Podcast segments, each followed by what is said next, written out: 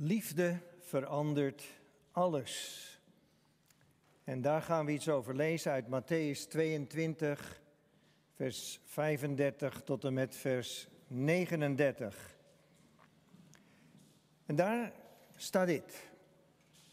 Om hem op de proef te stellen, vroeg een van hen, een wetgeleerde, meester, wat is het grootste gebod in de wet? En hij antwoordde, heb de Heer uw God lief met heel uw hart en met heel uw ziel en met heel uw verstand. Dat is het grootste en eerste gebod. En het tweede is daaraan gelijk, heb uw naaste lief als uzelf. Deze twee geboden zijn de grondslag van alles wat er in de wet en de profeten staat. We moeten even letten op het punt dat uh, deze schriftgeleerde of wetgeleerde die vraagt niet aan Jezus uh, om ergens achter te komen, maar om hem op de proef te stellen. Dat deden die wetgeleerden en die schriftgeleerden wel vaker. Maar we beginnen met een klein verhaal. Op zekere dag vraagt een jongetje aan zijn vader: Papa, wat is nu eigenlijk een christen? Hoe ziet die eruit? En die vader die pakt de Bijbel en die opent uh, de Bijbel en pakt allerlei teksten, ook de tekst die wij net gelezen hebben. En uh, die vader die legt dat zo ontzettend goed uit aan die zoon, dat die jongen na afloop vraagt, papa, heb ik eigenlijk wel eens een christen gezien? Heb jij wel eens een christen gezien? Heb je enig idee hoe die eruit ziet? Hoe zou je dat moeten omschrijven? Zou de wereld zien dat jij een christen bent? Hoe zou je hem dan omschrijven? Volgens Handelingen 11, vers 26 werden de leerlingen, de discipelen, voor het eerst in Antiochië christenen genoemd. Dat betekent dus eigenlijk dat christenen zijn discipelen, volgelingen van Jezus. En nou is het verwarrende wel een beetje dat de vluchtelingen en al die mensen die van buiten afkomen Europa binnen het idee hebben dat ze een christelijk werelddeel binnenstappen. En dat mag dan in naam zo zijn, maar in werkelijkheid lijkt het er niet zo op. Want hoeveel mensen zouden er nou in Europa echt wedergeboren christenen zijn? Ik heb zelfs een percentage gehoord van maar 4 procent. Daarmee zijn we een groot zendingsgebied geworden als Europa. En die christenen die er dan zijn in Europa, vallen die dan op? Onderscheid je die dan? Zie je dan dat dat christenen zijn? Het, het leuke is eigenlijk wel dat Jezus die viel op in de massa. Je kon zien wie die was. En dat zou ook voor ons als christenen moeten gelden dat het zichtbaar zou moeten zijn wie wij nou zijn en voor wie wij hebben gekozen. Paulus die zegt het ook heel erg mooi in Efeze 4 vers 20, gij geheel anders. Dus je zou er op een, een of andere manier anders moeten uitzien. Maar waar ik naartoe wil vanmorgen is, Jezus was een vreemdeling. De vreemdeling van Galilea wordt hij ook wel genoemd in je Bijbel. En ook wij als christenen zijn vreemdelingen. Vreemdelingen en bijwoners, zegt Paulus zelfs. Dus wij zijn vreemdelingen. Nou is vreemdeling zijn niet zo ingewikkeld. Zoals wij hier zitten en thuis misschien meeluisteren en kijken, zijn we allemaal wel een beetje als vreemdeling deze wereld binnengekomen. Als baby was het al zo, je wordt geboren en er hangen allerlei mensen boven je wieg om je te bewonderen. En dan zit er ook een of andere kerel tussen die zegt, ha, ik ben je vader, dat moet je er ook maar geloven. Je kan moeilijk als baby zeggen, mag, je, mag ik even een bewijs daarvan zien? Met andere woorden, je bent een vreemdeling. Je komt in een vreemde wereld, je was zo lekker veilig in die moederschoot en dan kom je die wereld binnen en vreemdeling. Je groeit op en je gaat naar een school waar allemaal vreemde kindertjes zitten vreemdeling tussen al die kinderen daar. En ikzelf, ik kreeg polio als kind. En uh, ik moest uh, daarna, toen ik toch nog leek genezen te zijn, bleken mijn voeten niet te groeien. Moest ik elk jaar naar het ziekenhuis, moesten die voeten weer geopereerd worden. En elke keer lag ik weer in een vreemd ziekenhuis tussen vreemde mensen. En je was een vreemdeling. En, en dan groei je op. En dan krijg je verkering. En dan uh, moet je kennis maken met uh, je aanstaande schoonouders. In mijn geval was dat een, uh, een heel gedoe. Want in mijn tijd moest je dan nog officieel vragen om de hand van de dochter. En dat heb ik ook nog wel gedaan. En als je dan de pech hebt dat je een aanstaande schoonvader treft met gevoel voor humor, dan wordt het helemaal een beetje een lastige situatie. Ik kwam daar binnen, wildvreemde kerel natuurlijk, want je bent verliefd op zijn dochter, niet op die man.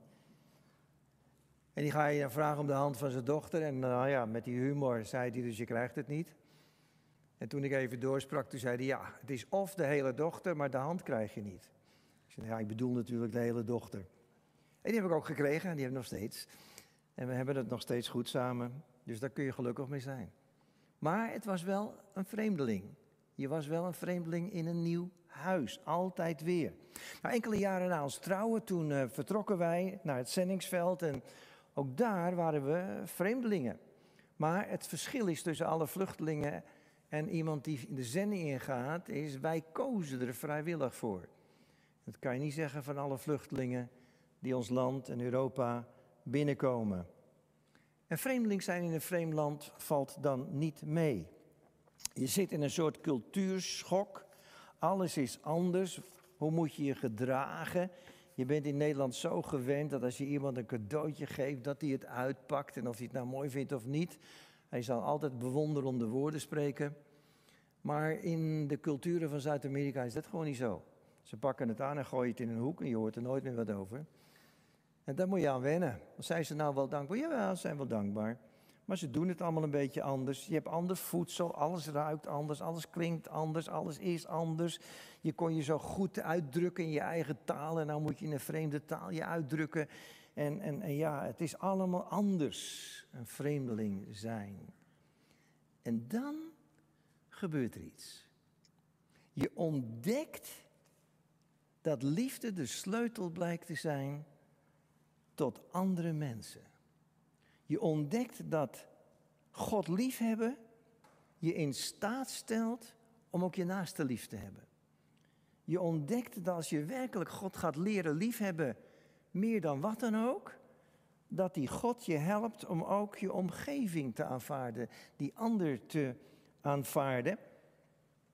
En dan ontdek je dat God je ook de middelen geeft om bij die liefde te komen. Ik, ik heb wel eens de vraag gesteld, is God nou geloof, hoop en liefde of is God nou liefde? En, het antwoord is natuurlijk, God is liefde. En geloof en hoop zijn de middelen die hij ons heeft gegeven. Geloof is een zaak van je hart. Paulus zegt in Romeinen 10, met je hart geloof je. En hoop is een zaak van je verstand, van je denkwereld. De helm van de hoop, spreekt Paulus over. Dat betekent dus dat geloof en hoop zijn middelen om bij die liefde te komen. Daarom zegt de Bijbel ook, wie tot God komt, moet geloven dat Hij bestaat. En als je bij God komt en gelooft dat Hij bestaat, zul je ook ontdekken dat Hij bestaat. Omdat je erin gelooft. En met je hele verstand hoop je dat ook, maar met je hart geloof je dat. En dan ga je die liefde ervaren. En, en dan moet je nog iets ontdekken. Dan kom je ook tot de ontdekking dat liefde is niet alleen een zaak van je gevoel, maar ook van je wil.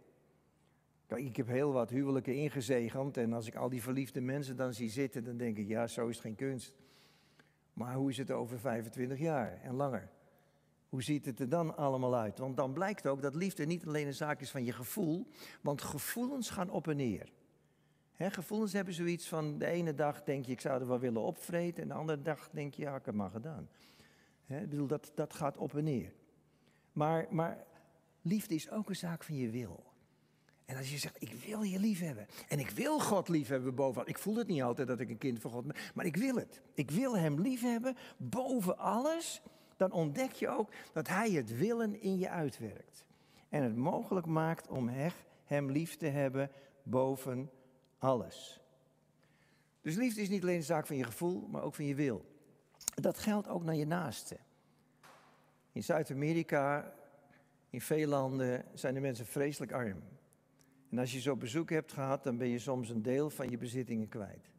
kopjes, schoteltjes, dingetjes. En die mensen hebben niet het idee dat ze stelen. Ze zeggen gewoon, jij hebt het lang genoeg gehad, nou mogen wij het wel een poosje hebben. Dus dat is ook een idee. Maar je moet er wel aan wennen.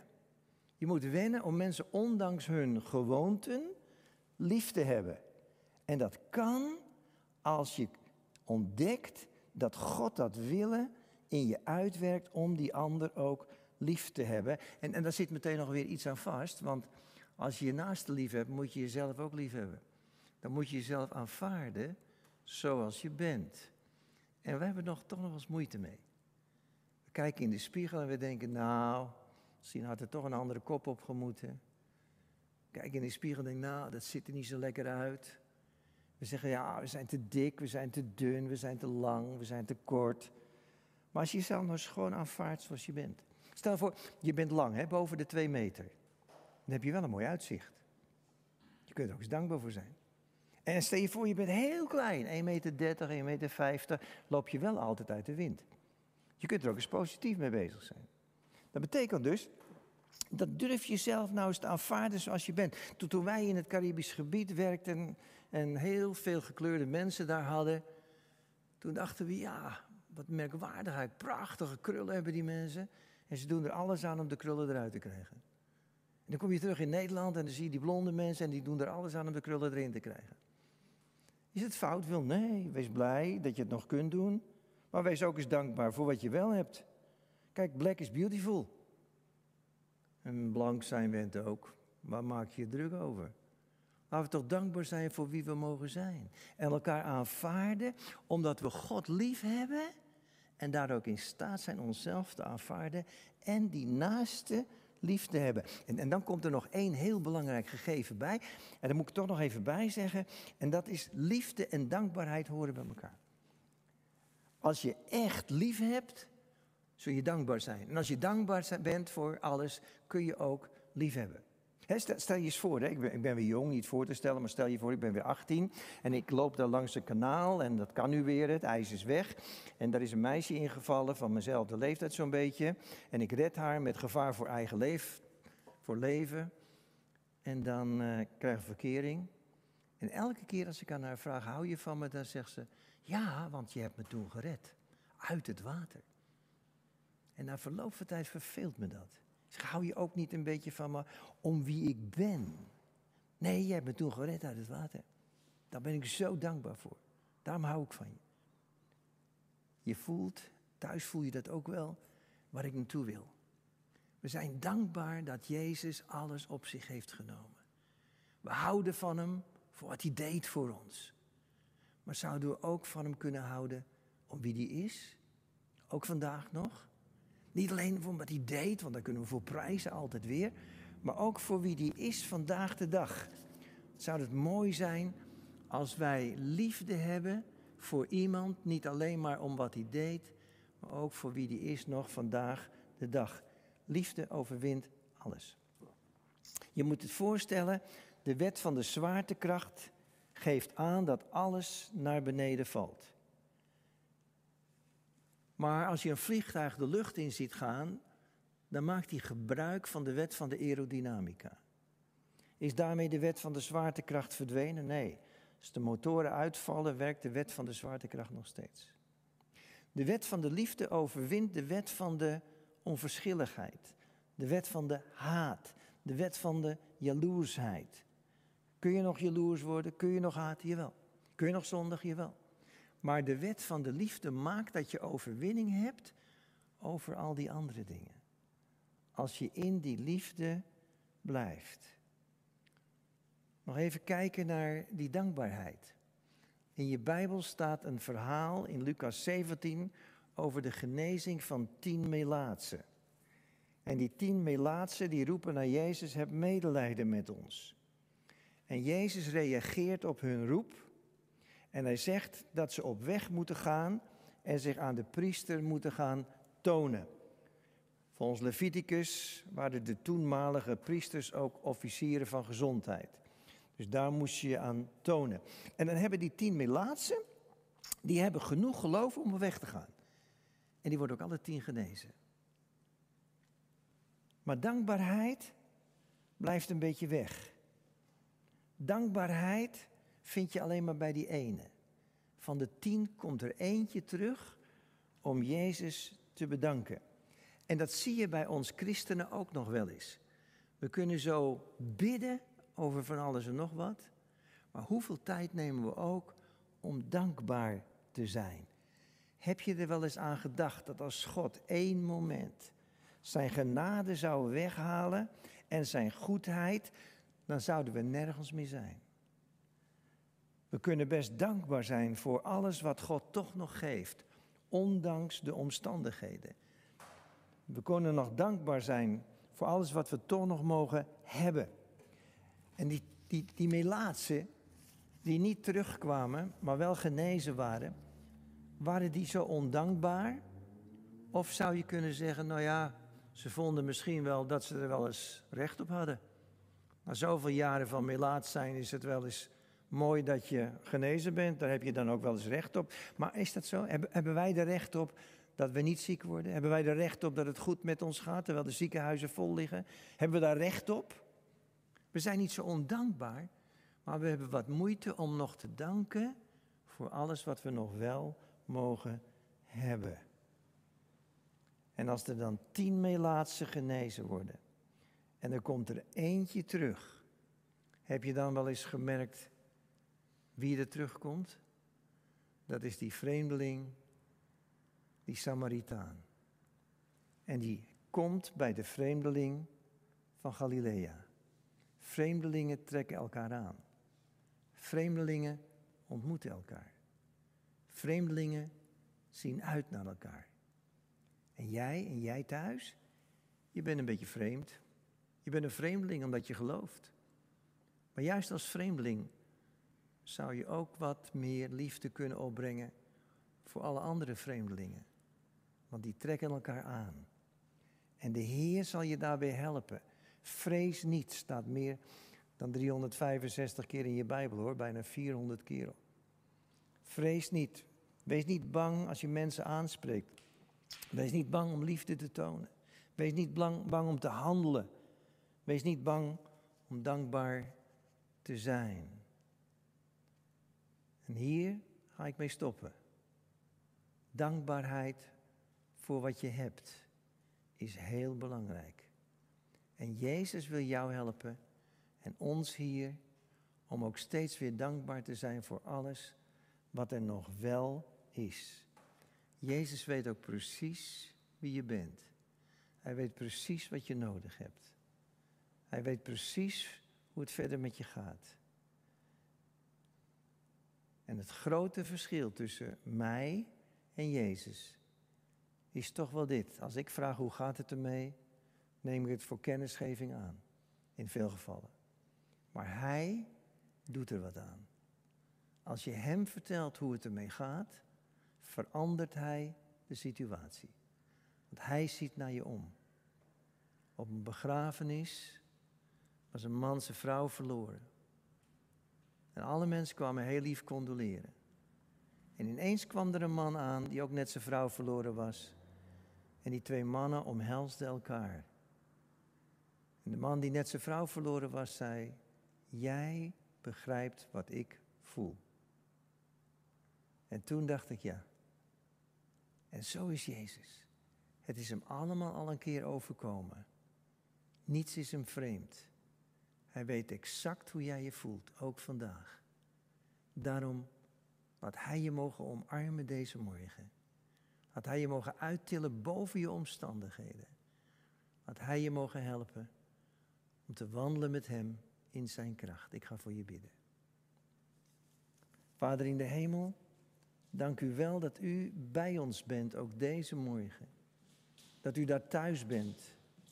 Dat u daar bent, Heer, ook in deze ruimte waar we samenkomen. En dat uw heerlijkheid op ons zal rusten. We geloven zo dat u ons op dit moment aanraakt en laat merken dat u met ons meevoelt en begrijpt waar we in zitten. Help ons daarbij. En help ons ook om dankbaar te zijn voor alles wat we nog wel mogen hebben. In Jezus' naam. Ik wil ook meteen de zegen uitspreken Want daarna gaan we nog luisteren naar een paar liederen. En als je thuis toch mag meezingen, zing dan mee. Zing met ons mee. Maar ik ga wel de zegen vast uitspreken. En daarna hebben we nog tijd om samen wat te zingen. De vrede van God de Vader. En de liefde van de Heer Jezus Christus. En de kracht van de Heilige Geest. Zij met een elk van ons. Amen. Amen.